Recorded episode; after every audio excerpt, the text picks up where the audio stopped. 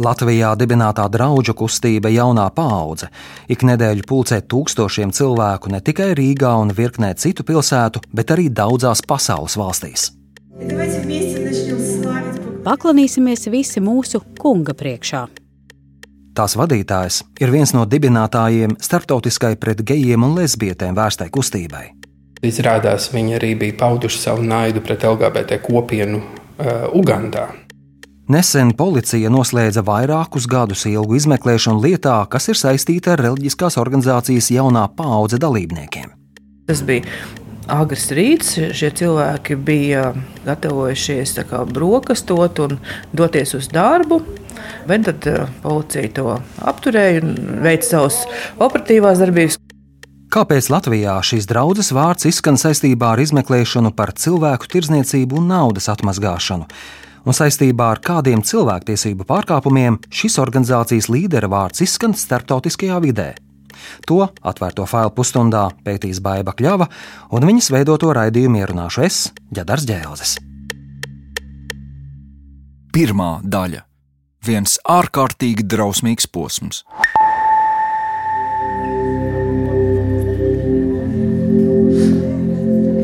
Добрый вечер, дорогие друзья! Давайте встанем Labvakar, dārgie draugi!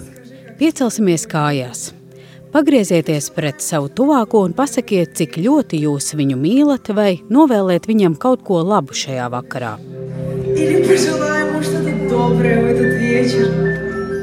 Trešdienas vakarā esmu dievkalpojumā jaunās paaudzes baznīcas zālē Rīgā. Tajā ir sapulcējušies ap simt cilvēkiem, kas ir teju uz pusi mazāk kā svētdienās. Давайте вместе начнем славить, поклоняться нашему Господу. Paklanīsimies visi mūsu kunga priekšā. Uz skatuves ir mūzikas instrumenti un milzīgs ekrāns. Zāli izgaismo zilas neona gaismas, un aiz skatītāju mugurām operatori translē notiekošo interneta tiešraidē. Pēc pusstundu ilgas reliģisku skaņdarbu izpildīšanas divi darbinieki uz skatuves uznes kanceli. Aiz tās nostājas baznīcas galva Aleksis Ļaģājevs. Viņš pievienojas mūziķiem pēdējā dziesmā un tad pievēršas sanākušajiem cilvēkiem.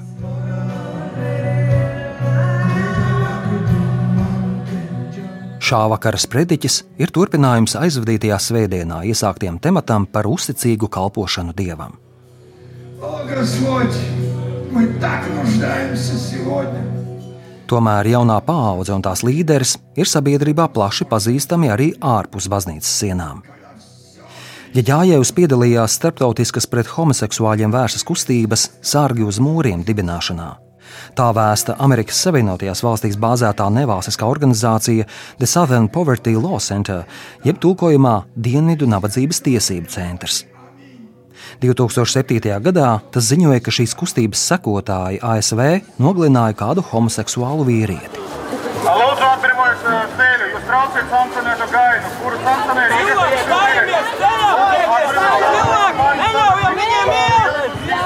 Kaut arī šī kustība iesākās pirms 17 gadiem, ja Jāņeva un jaunās paaudzes darbības pret homoseksuāli orientētiem cilvēkiem izpaudās jau iepriekš. Nu, ar jauno paudzi man ir bijusi saskare no 2006. gada, kad uh, notika gatavošanās otrajam Rīgas braidam. Un tajā laikā jaunā paudze kopā ar Aināšu Leseru un visiem pārējiem aktīvi darbojās, lai cīnītos pret LGBT kopienu. Kaspars Zālītis strādā nevalstiskajā organizācijā Mozaīka, kas aizstāv LGBT kopienas tiesības. Viņš ir piedalījies visos praidos, kas ir notikuši Rīgā un līdzdarbojas to organizēšanā jau vairāk nekā desmit gadu. Divi vārdi jaunā paudze mums liek visiem uzreiz sarauties.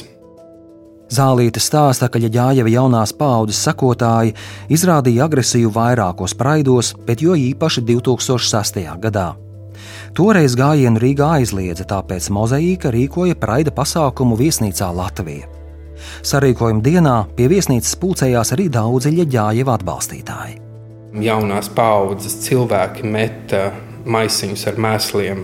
Viņi meta un aplenca viesnīcu Latviju, ļaujot ļoti agresīvi Un stāvot ārā ar maisiņiem ar mēsliem un maisiņiem ar dzeltenu šķidrumu, lai kas tas aptuveni arī būtu. Pūlis bija naidīgi noskaņots un negrasījās rimties. Tad viņi migrēja apkārt visu viesnīcu un meta ar olām, ar akmeņiem, ar visu pārējo. Tagad tas bija viens ārkārtīgi drausmīgs posms. Jautāju, kā tā laika notikumos bija iesaistīts jaunās paudzes līderis.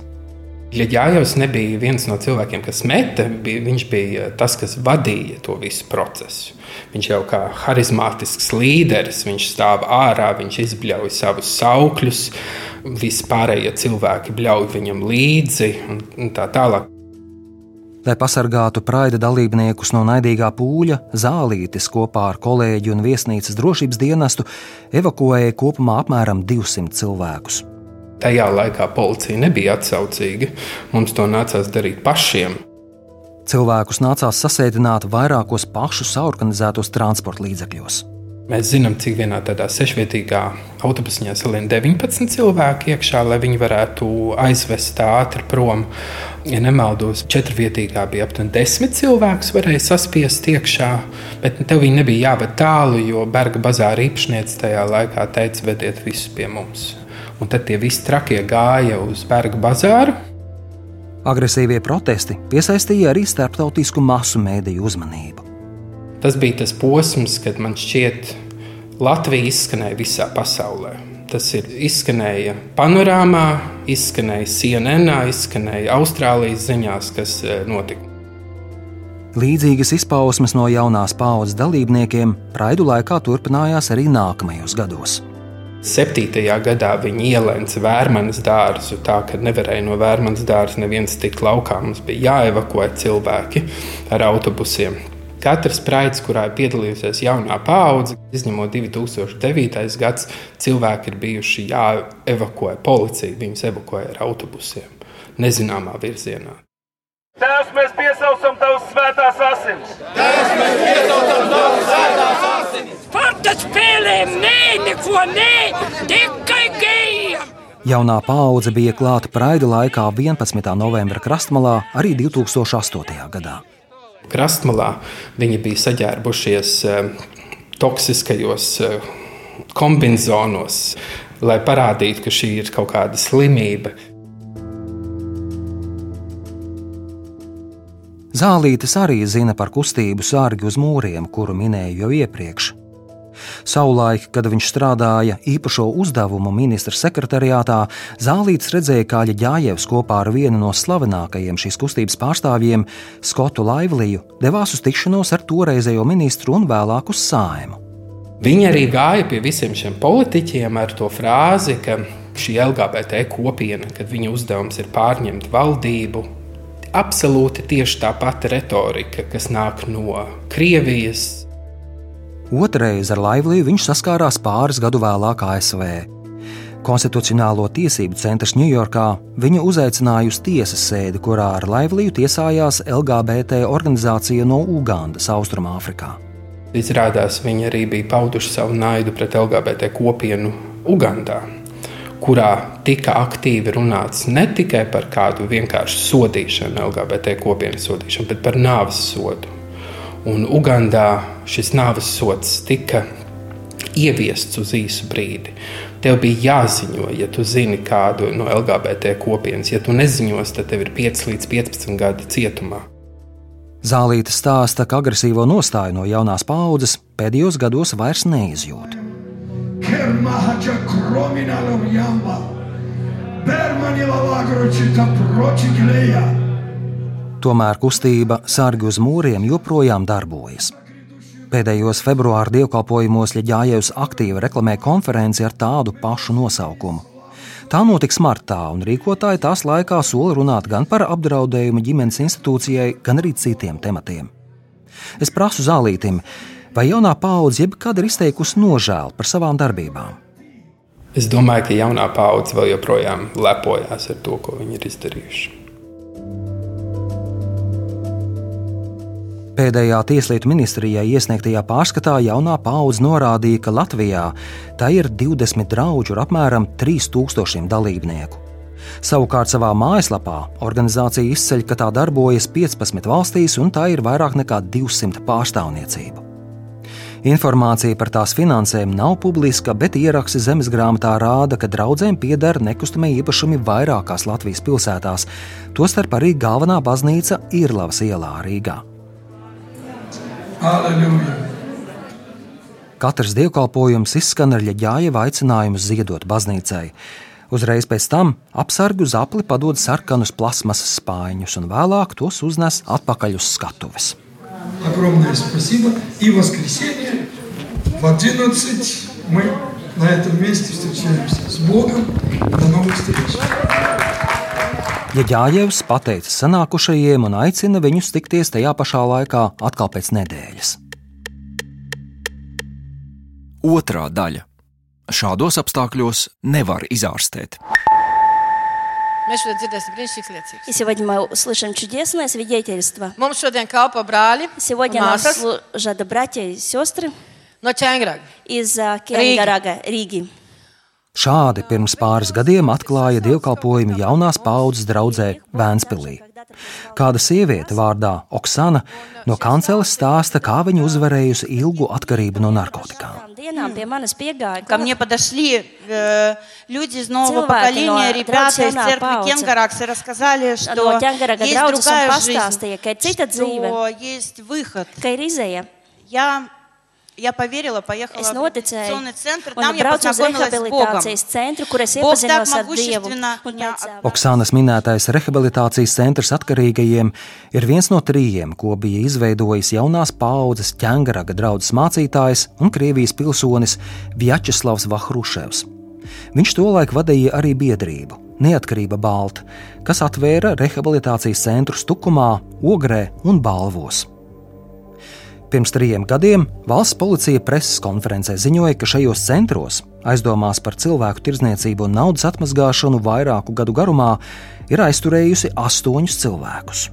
Slēpjoties zem šī cēla mērķa, organizētās grupas pārstāvji, izmantojot personu ievainojamību, nodarbināja viņus fiziski, smagā un ilgstošā gan lauku, gan mežstrādes darbā. Par padarīto darbu upuri nekādu atlīdzību nesaņēma. Organizatori lielāko daļu iegūto līdzekļu atbilstoši iekšējai hierarhijai sadalīja savā starpā. Kratīšanās tika atsavināti vairāk nekā 140 tūkstoši eiro skaidrā naudā. Ir izņemtas uh, trīs uh, apvidus automašīnas, tāpat ir izņemts liels daudzums dažādu datu nesēju un dokumentu. Policijas operācija notika pirms trim gadiem vasaras vidū, kad rehabilitācijas centros uzturējās apmēram simt cilvēku. Izmeklētāji lietu nodeva prokuratūrai. Lietā ir apsūdzētas desmit fiziskas un viena juridiska persona. Mūs šajā notikumā iesaistīja policija, tad uzrunāja un informēja, ka principā vienā brīdī būs ļoti daudz klientu. Vai mēs varam uzņemt, vai mēs esam gatavi uzņemt. Gita Miruškina ir no organizācijas Patvērums drošā māja. Viņa atklāja, dienā, kad policija veica operatīvās darbības, viņas komanda bija kaujas gatavībā palīdzēt. Mēs bijām dažu minūšu brauciena attālumā. Mēs ar lielu autobusu, 40 vietīgo vai pat lielāku, tad, tad bijām ļoti netālu no tās vietas. Tajā brīdī, kad policija teica, ka tagad mēs varam ierasties, tad mēs arī devāmies uz to vietu. Mūsu biedrība bija tieši Tukumā. Tur atkarīgo palīdzības centrs bija iekārtots Tukuma novada Rīnzeles mūžas teritorijā. Tas darbojās kopš 2010. gada. Tas bija agrs rīts. Šie cilvēki bija gatavojušies brokastot un doties uz darbu. Bet tad policija to apturēja un veica savas operatīvās darbības. Patvēruma drošā māja darbinieki runāja ar tur izmitinātajiem cilvēkiem un piedāvāja iespēju saņemt palīdzību. Mēs zinājām arī, ka šo centru aizvērs un viņiem viņš ir jāpamet. Viņa stāsta, ka policijas operācijas laikā arī pati apskatīja centra telpas. Dzīvesvieta, guļasvieta ļoti tāda Šī mūža sēka no tādām lielām nolietojuma pazīmēm, remontu, tur, remonts tur sen nav bijis. Viss aprīkojums, gan apģērbs, gan mēbeles, varēja redzēt, ka tas ir no dažādiem vai no ziedojumiem, vai humanitārās palīdzības. Virtuvē bija pārtikas produkti ar iztecējušu derīguma termiņu. Ko vēl varēja nu, tajā brīdī saprast, to, ka šie cilvēki ir ļoti nobijušies, principā ir bailīgi, kad um, viņu vidū ir kādi vecākie vai vadoņi, vai kā vēlāk mēs noskaidrojam, viņš šos cilvēkus dēvē par brigadieriem. Jautāju viņai, kāda pēc pašu centra iemītnieku stāstītā izskatījās viņu ikdiena. Principā celšanās, brokastis, lūkšanās, darbs, atkal atgriežas no darba, lūkšanās, vakariņas. Samaksu par darbu šie cilvēki nesaņēma, jo strādāšana bija paredzēta kā terapija. Un viņi tika vesti uz dažādiem objektiem. Gan ogas lasīt, gan ogas pārstrādāt, gan meža darbus strādāt, gan kūdras purvā strādāt. Nu, tie bija tie mūsu rinceles. Arī brīvi pamest mūžas teritoriju viņi nevarēja. Nu, Rincelē tā ir mūža teritorija ar lieliem mūža vārtiem, žogu, riņķī. Tāpat iemītniekiem nebija iespējas sazināties ar ārpasauli. Mobīlie telefoni viņiem noteikti nebija, bet nu, teiksim, tiem brigadieriem vai tiem vecākajiem tiem bija. Cilvēki bija nokļuvuši rehabilitācijas centrā lielākoties caur līdzīgu pieredzi. Biežākais stāsts bija, vai nu viņus uzrunāja kaut kur Rīgā patvērsmes tūmā, kāds eh, labi ģērbts jaunietis vai vīrietis, vai pie zupas virtuvēm.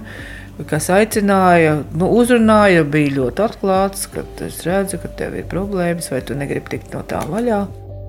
No narkotikām un alkohola atkarīgiem cilvēkiem, kurus uzrunāja, uz centru neviens nespieda doties. Citi tur nokļuvuši ar ģimenes locekļu palīdzību. Miruškina ar kolēģiem no savas organizācijas kopumā palīdzēja nedaudz virs 20 cilvēkiem. 13 no tiem bija tādi, kas bija alkohola atkarīgie, 9 bija citu vielu atkarīgie. Pārējie Rinzeles centra iemītnieki atteicās no palīdzības un nevēlējās liecināt policijai par piedzīvoto. Ja sākumā uzklausot mūsu, viņi piekrīta, ka, jā, ka viņi sadarbosies un viņi vēlas saņemt šo palīdzību, rehabilitāciju, tad pēc kaut kāda brīža atkal savā starpā sarunājoties, vai pat tam nosacītajiem brigadieriem uz viņiem tā stingrāk paskatoties, viņi atkal nāk klāt un saka, nē, mēs pārdomājām, mēs no šīs palīdzības atsakāmies. Jautāju, kādu iespēju šie cilvēki atstāja? Tāds bija iespējas, ka šie cilvēki ir ļoti nedroši, iebaidīti, un tad, tad nu, ir atkarība no šiem te, nu, vadoņiem, priekšniekiem, brigadieriem, kā nu izsauc. Noslēgumā visi sakāpa patvērums droša māja autobusā un viņus aizveda līdz Rīgai. Tos, kuri nevēlējās saņemt palīdzību, Miruškina vairs neredzēja. Tad, kad visi sakāpām e, šeit autobusā, tad arī viens, kas tur bija tāds no nu, tiem vadoņiem, viņš e, tad, arī noturēja tādu īsu aizlūgumu. Un tad, kad aleluja, vispār tad autobus varēja sākt braukt. Šajā policijas operācijā bija iesaistīti arī centra Marta darbinieki. Uz rehabilitācijas centru balvos devās Linda Saviele. Es redzēju ēku, māju, kurā mitinājās daudz cilvēki bija daudz tādas nu, darba drēbes, nepatīkams aromāts.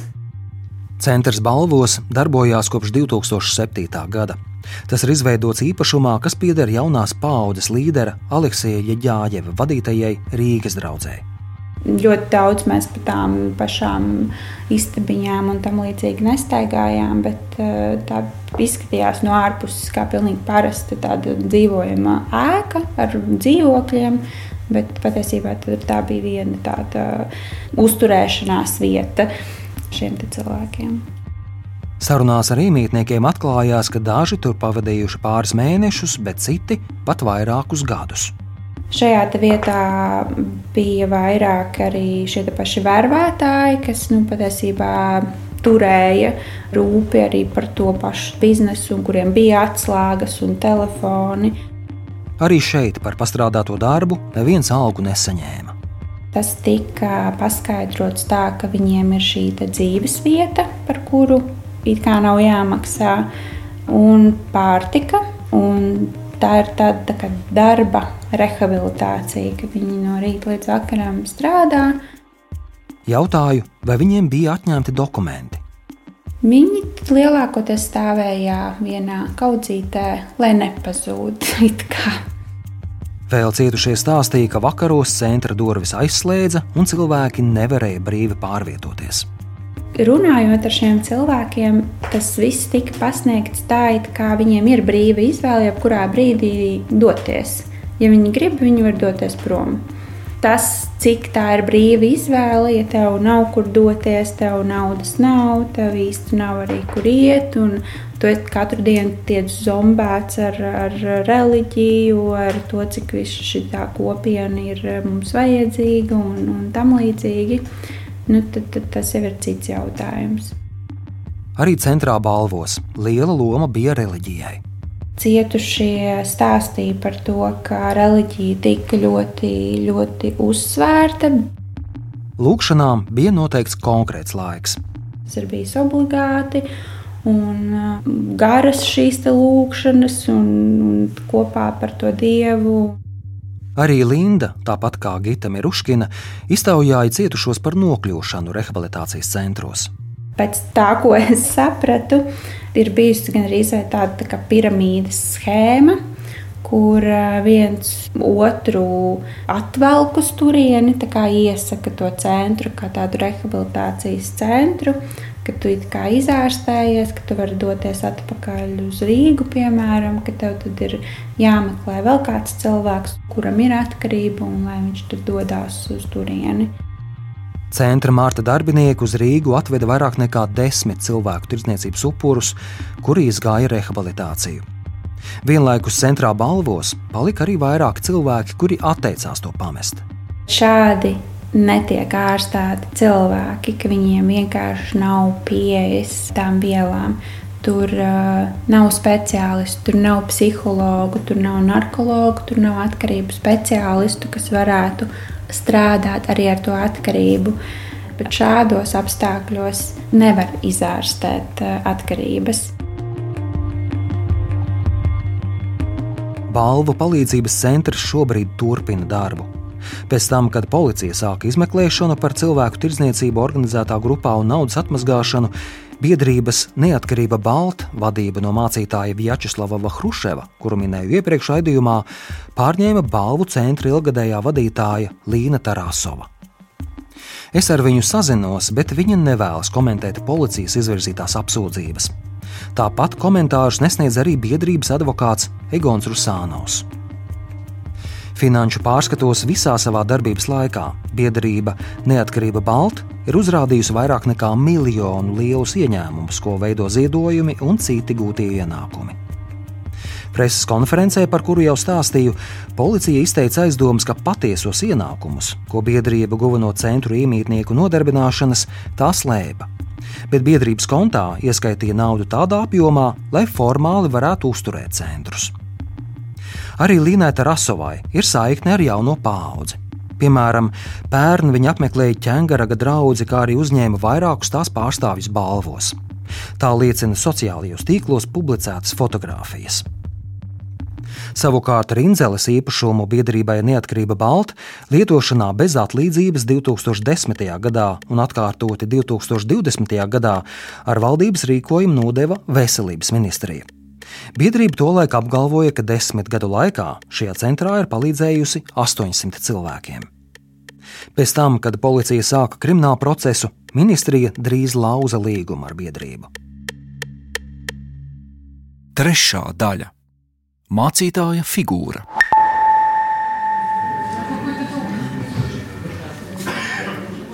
Lai jautātu par jaunās paudzes darbu un par raidījuma aplūkotajiem gadījumiem, vēršos organizācijā ar lūgumu pēc intervijas. Pēc vairāk kārtējas uzrunāšanas draudzes pārstāvis Aigars Bitāns atsūtīja īsiņu. Diemžēl cilvēks, kurš varētu sniegt atbildes uz jūsu jautājumiem, šobrīd neatrodas Latvijā un atgriezīsies tikai pēc pāris nedēļām. Tā kā nevarēsim jums ne ar ko palīdzēt. Lai jauka diena! Uz jautājumu, vai kāds cits nevarētu sniegt atbildes, saņēmu strupu nē. Piedāvāju arī attālinātu interviju, taču atbildi vairs nesaņēmu. Lai saprastu, kā valstī uzrauga draugu darbību, dodos uz Tieslietu ministriju. Tur man ir sarunāta intervija ar nozaru politikas departamenta direktori Olgu Zēli. Reliģisku organizāciju darbību Latvijas Republikā regulē reliģisku organizāciju likums. Un, uh, likums nosaka kārtību, kādā uh, var uh, darboties reliģiska organizācija, kādā kārtībā tā ir izveidojama, reģistrējama. Zēle stāsta, tās ir pilnīgi brīvas savā darbā, ja vien neapdraud citus vai neaizskar viņu tiesības. Reālo darbību un darbības atbilstību normatīvajiem un tiesību aktiem uzrauga tiesību sargājošās iestādes. Tas ir līdzīgi kā ar jebkādu citu subjektu, Viņi veic savu darbību tiesiskajā rāmī, kāds tāds ir paredzēts valstī. Un tiesību sargājošās iestādes ir tās, kuras uzrauga vai saņem signālus par potenciāliem pārkāpumiem vienas vai otras organizācijas darbībā. Arī nosacījumi attiecībā uz garīgo līderu darbību Latvijā nav izvirzīti. Lai darbotos par garīdznieku vai būtu par garīgo personālu, tam nav vajadzība būt iekļautam kādā reģistrā vai saņemt kādu īpašu atļauju. Savukārt Tieslietu ministrijas īstenotā kontrole ir šāda. Tā pieprasa reliģiskajām organizācijām reizi gadā iesniegt savas darbības pārskatu. Šī ir tāda darbības monitorēšana, kas notiek reliģiskajā organizācijā. Cik tā organizācija ir liela, cik reliģiskajā organizācijā darbojas garīdznieki, vai ārvalstu garīdznieki tiek aicināti darboties Latvijā. Respektīvi, tie ir tādi praktiskas darbības jautājumi, ko mēs uzdodam. Ja šos pārskatus draudzes neiesniedz, tad ministrija var rosināt reliģiskās organizācijas izslēgt no uzņēmuma reģistra. Pēc intervijas ar Tieslietu ministrijas ierēdni secinu, tādas organizācijas kā jaunā paudze Latvijā uzrauga vien formāli. Tās var brīvi darboties, ja vien acīm redzami nepārkāpj likumus, kā tas ir piemēram gadījumā ar tā dēvētajiem rehabilitācijas centriem, kuros izmeklēšanu nesen noslēdz policija. Bet to, kādas idejas izplatīja jaunā paudze un kā tās ietekmē cilvēkus, to ne ministrija, ne citas institūcijas dziļāk vairs nepēta. Ko tad īsti sludina šī organizācija un kādas vērtības tā pārstāv? Latvijas Universitātē tiekos ar teoloģijas fakultātes profesoru un reliģiju pētnieku Valdi Tēraudkalnu. Viņš stāsta, ka jaunā paudze piedar pie kristietības tā sauktā jauno harizmātisko draugu novirziena. Harizmātiskā kustība ir emocionāla savā izpausmēs, cilvēkam no malas var eh, likties pārāk skaļa, jo sprediķotājs var skaļi žestikulēt, kliegt pat un pārvietoties pa telpu. Šajā gadījumā mācītājs kļūst par draudzes viedokļu līderi. Bieži vien šīm harizmātiskām draudzēm, un jaunā paudze arī ir viens piemērs, ļoti centrāls uh, ir mācītājs. Ja? Ļoti centrāli ir šī mācītāja figūra. Tas savukārt rada risku, ka ticīgie nekritiski sekos sava līdera teiktajam. Arī jaunā paudze Latvijā ir pārņēmusi šīs politiski labējo kristiešu vērtības, kā tas ir Amerikā. Līdz ar to arī bieži vien viņa, viņa būs pret teiksim, geju tiesībām. Pēc viņa teiktā, problēmas var ieraudzīt, kad sāk analizēt viņu idejas. Šeit parādās tā nekritiskā domāšana, ja, kā kristietība tiek identificēta ar kaut kādu, es gribētu teikt, šauru viedokļu un prakšu kopumu, ko mēs domājam par to vai, vai citu politisku vai ētisku jautājumu. Un tad ir tas, ka kaut kāda atsevišķa jautājuma kļūst par tādu sarkano lupatu, ja, uz kur tiek mobilizēti sekotāji. Es viņam prasu, kā vērtēt to, ka jaunā paudze no vienas Rīgas draudzes ir izaugusi līdz pārsimt draudzēm pasaulē. Man nav, nav sīkāk ziņa, bet es domāju, ka vismaz daļa noteikti šo draugu, kas ir, ir citvieta, viņas ir veidojušās no kaut vai pirmkārt emigrācijas rezultātā, tas, ka kā draugu locekļi izceļojuši kaut kur citur, un, un, un tur viņi palikuši kopsakarībā ar uh, šo draugu, un tāpat arī, arī dažādu personisko un citu kontaktu rezultātā. Jo Ļaģājos tomēr bija tā atpazīstams un ir atpazīstams ja, tādā kristiešu vidē. Tārauda stāsta, ka par draugu saistību ar rehabilitācijas centriem viņš nezina. Savukārt, sargi uz mūriem ir viens no kustības virzieniem, kas pārņemts no ASV. Tas ir tas piemērs, kur, kur atkal kaut kādas atsevišķas lietas tiek, tiek identificētas, LGBT tiesības vai, vai citas, kuras tiek uzskatītas par kaut kādu draudu, pret ko kristiešiem būtu, būtu jācīnās. Bieži vien arī tādas konservatīvas grupas, viņas tā teikt, piesavinās cilvēktiesību diskursa valodu, jā, un, un saka, jā, bet, bet nu, nu, mēs esam apdraudēti. Pati tā leksika tiek pārņemta, bet viņi tiek izmantot saviem tādiem noteiktiem mērķiem. Kaspars Zālītis no Mozaīkas stāsta, ka jaunās paaudzes savulaik organizēto uzbrukumu dēļ vairāki LGBT kopienas biedri nolēma pamest Latviju. Pagājušajā praidā bija 14 protestētāji. Mēs viņus saskaitījām, un gājienā gāja 7000. Mēs gājām pa brīvības ielu bez policijas konvojiem.